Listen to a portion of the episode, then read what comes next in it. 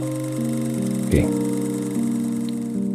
Kadang-kadang orang yang ingin memulai sebuah usaha itu eh, memiliki atau memasang visi dan mimpi-mimpinya itu sangat tinggi.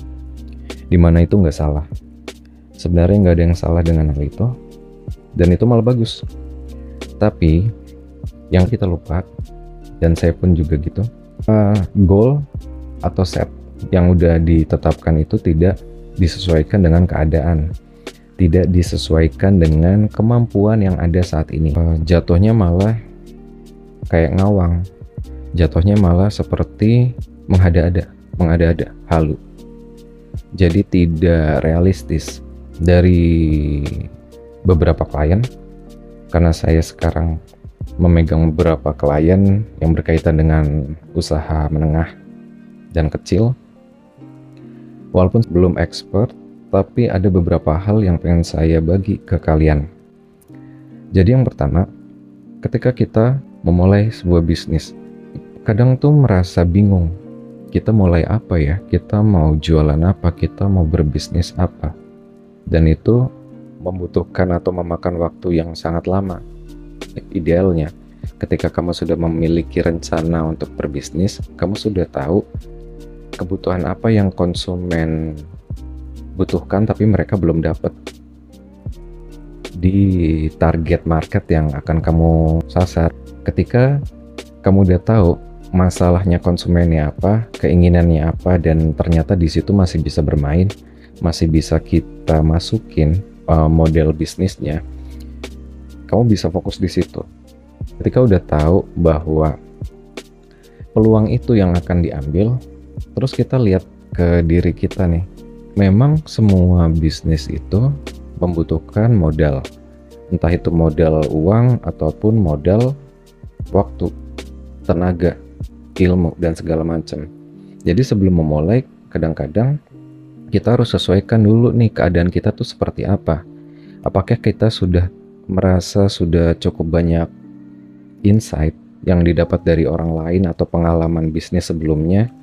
Apakah kita udah cukup punya banyak modal pengetahuan untuk memulai? Apakah modalnya itu ada?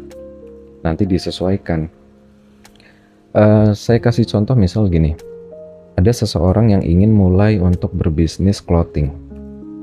Dia ingin clothingnya itu punya karakter, brandingnya itu pengen menjadi sesuatu uh, item produk atau brand yang kekhasannya itu adalah produk yang simple, produk dengan bahan yang bagus, nyaman dipakai, uh, tidak terlalu bermain dengan sablon, warna dan segala macam, minimalis seperti itu. Bermain bermain simple, monokrom, bermain di jahitan, di bahan, di pola, di cuttingnya. Tapi dia tidak menyesuaikan diri dulu gitu. Dia udah ngeset mimpinya, planningnya seperti ini. Tapi dia tidak melihat apakah pengetahuannya tentang fashion itu sudah cukup untuk mencapai ke sana atau kemampuan finansialnya sudah bisa membiayai rencana dia. Karena pada awalnya dia tuh pengen barangnya tuh bagus, seperti ini seperti ini. Dan butuh alat untuk brandingnya. Karena mungkin kalau kalau langsung buka toko fisik resikonya terlalu besar dan biayanya pembengkakannya itu juga terlalu besar dia harus bermain di digital. Idealnya itu harus mengikuti alur yang lagi tren saat ini penjualannya bisa lewat Instagram Store, TikTok Shop, e-commerce, main di toko oranye, hijau, ataupun merah, dia harus bisa membangun komunitasnya lewat media sosialnya, lewat Instagramnya mungkin, atau fanpage di Facebook, atau lewat websitenya. Dia harus mulai berinteraksi, harus membangun karakter uh, dalam berkomunikasi dengan calon customernya. Ada banyak yang harus dipersiapkan. Ketika dia sudah siap, dia sudah punya, misal sudah menghitung semua modal nih, mau membuat sebuah clothing line, budgetnya nih segini dia sudah tahu apa yang mau dia buat desainnya dia udah punya dia sudah punya supplier oh, buat bahannya dia cari di mana tempat pengerjaannya pengrajinnya. Pihak ketiga yang bakal membuat baju atau clothingnya itu di mana. Ketika dia udah punya terus dia udah ngebudget semua kira-kiranya dia mau nyasar target market ke kalangan yang menengah ke bawah ke atas maka itu bagus. Tapi ketika itu tidak modal tidak cukup pengetahuan juga masih minim kita kadang-kadang tuh harus pede juga kalau kita mampu tapi kadang-kadang juga harus dibarengi dengan belajar. Sambil belajar gitu mengerjakan sesuatu ngambil proyek sambil juga mengupgrade ilmunya. Jadi bukan serta-merta kalau uh, pengetahuan yang didapat saat ini adalah A, bakal A seterusnya. Mungkin akan berkembang karena kan industri itu terus berkembang kan. Pakem yang ada di zaman dulu mungkin di zaman sekarang tuh udah berbeda pakemnya. Rulesnya udah beda. Jadi ketika itu nggak terjadi, uh, modalnya nggak cukup dan segala macam semuanya nggak cukup. Tapi yang di yang ada itu cuma rencana, awangan, isi dalam kepala itu nggak apa-apa buat ditulis di notes, buat ditulis di perencanaan atau visi ke depan. Tapi ketika uh, sudah sadar dirinya bahwa saat ini tuh belum mampu untuk membuat yang seperti itu, apakah kita nggak boleh mulai? Tentu aja boleh. Tapi mungkin kita harus berpikir strateginya mungkin beda.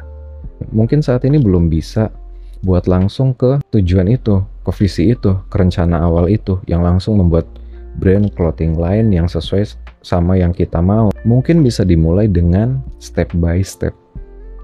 Bisa dimulai dengan kita lihat tuh anggarannya tuh ada berapa. Ada berapa banyaknya. Kemampuan kita, pengetahuan kita tentang trend fashionnya juga seberapa. Itu kita bisa mulai dulu dengan tidak produksi. Tapi ngambil margin atau selisih penjualan kita nggak usah produksi dulu kita cukup aja ngambil dari toko lain. Yang penting kita buka tokonya dulu.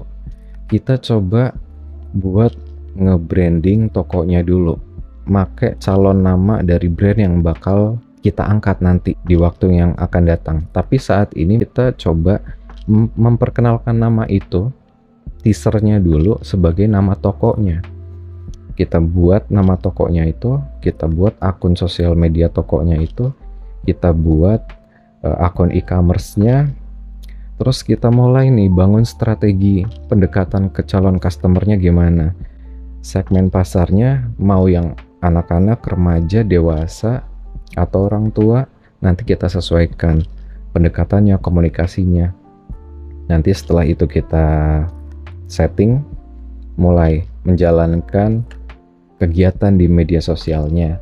Tapi untuk penjualan barang itu jangan produksi dulu, tapi lebih ke ambil margin. Kamu pilih aja vendor yang bagus. Misalnya kamu suka yang simple, minimalis, kamu cari vendor di clothing itu yang non non label ya, custom label sendiri. Nanti kita bikin custom ke vendor lain, kita minta tolong orang lain lagi, pihak ketiga lagi untuk nempelin atau kita sendiri bahkan untuk ngejahit atau nempelin label itu di uh, barang yang kita beli dari pihak ketiga.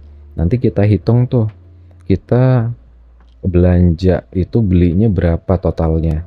Lalu kita custom labelnya berapa, kita tempelin.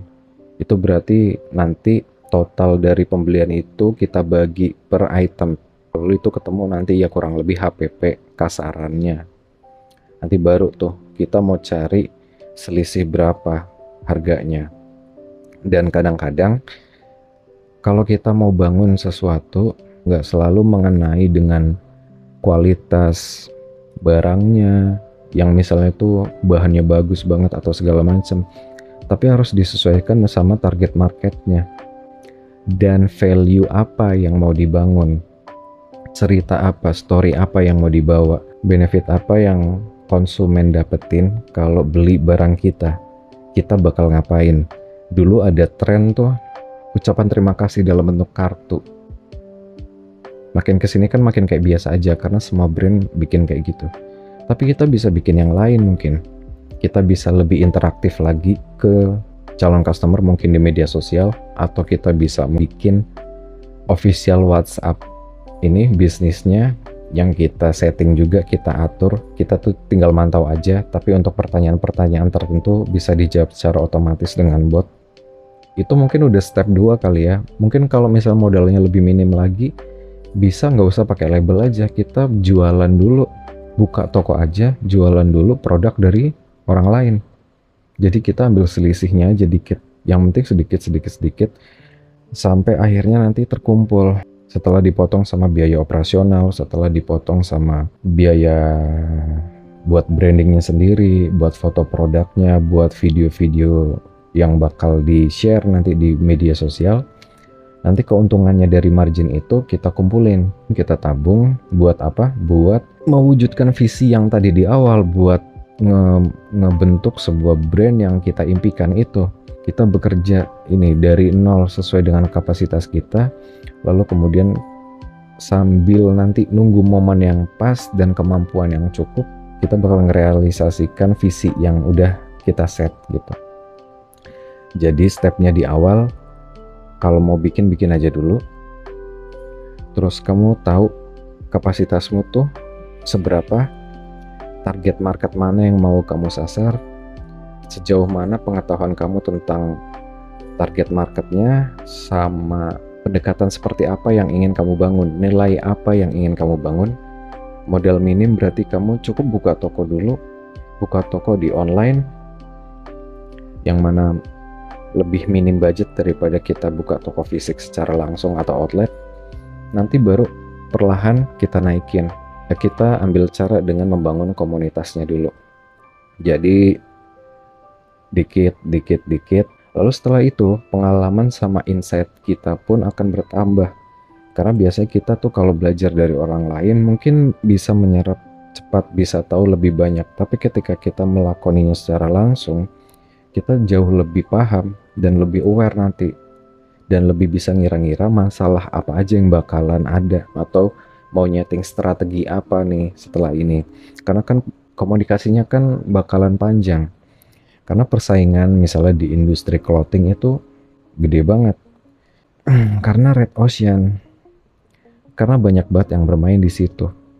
Makanya kadang-kadang walaupun nggak selalu kita harus punya karakteristik tertentu itu. Kita harus punya pembeda. Yaitu value apa yang mau kita jual ke calon customer kita. Gitu. Keep focus on your purpose.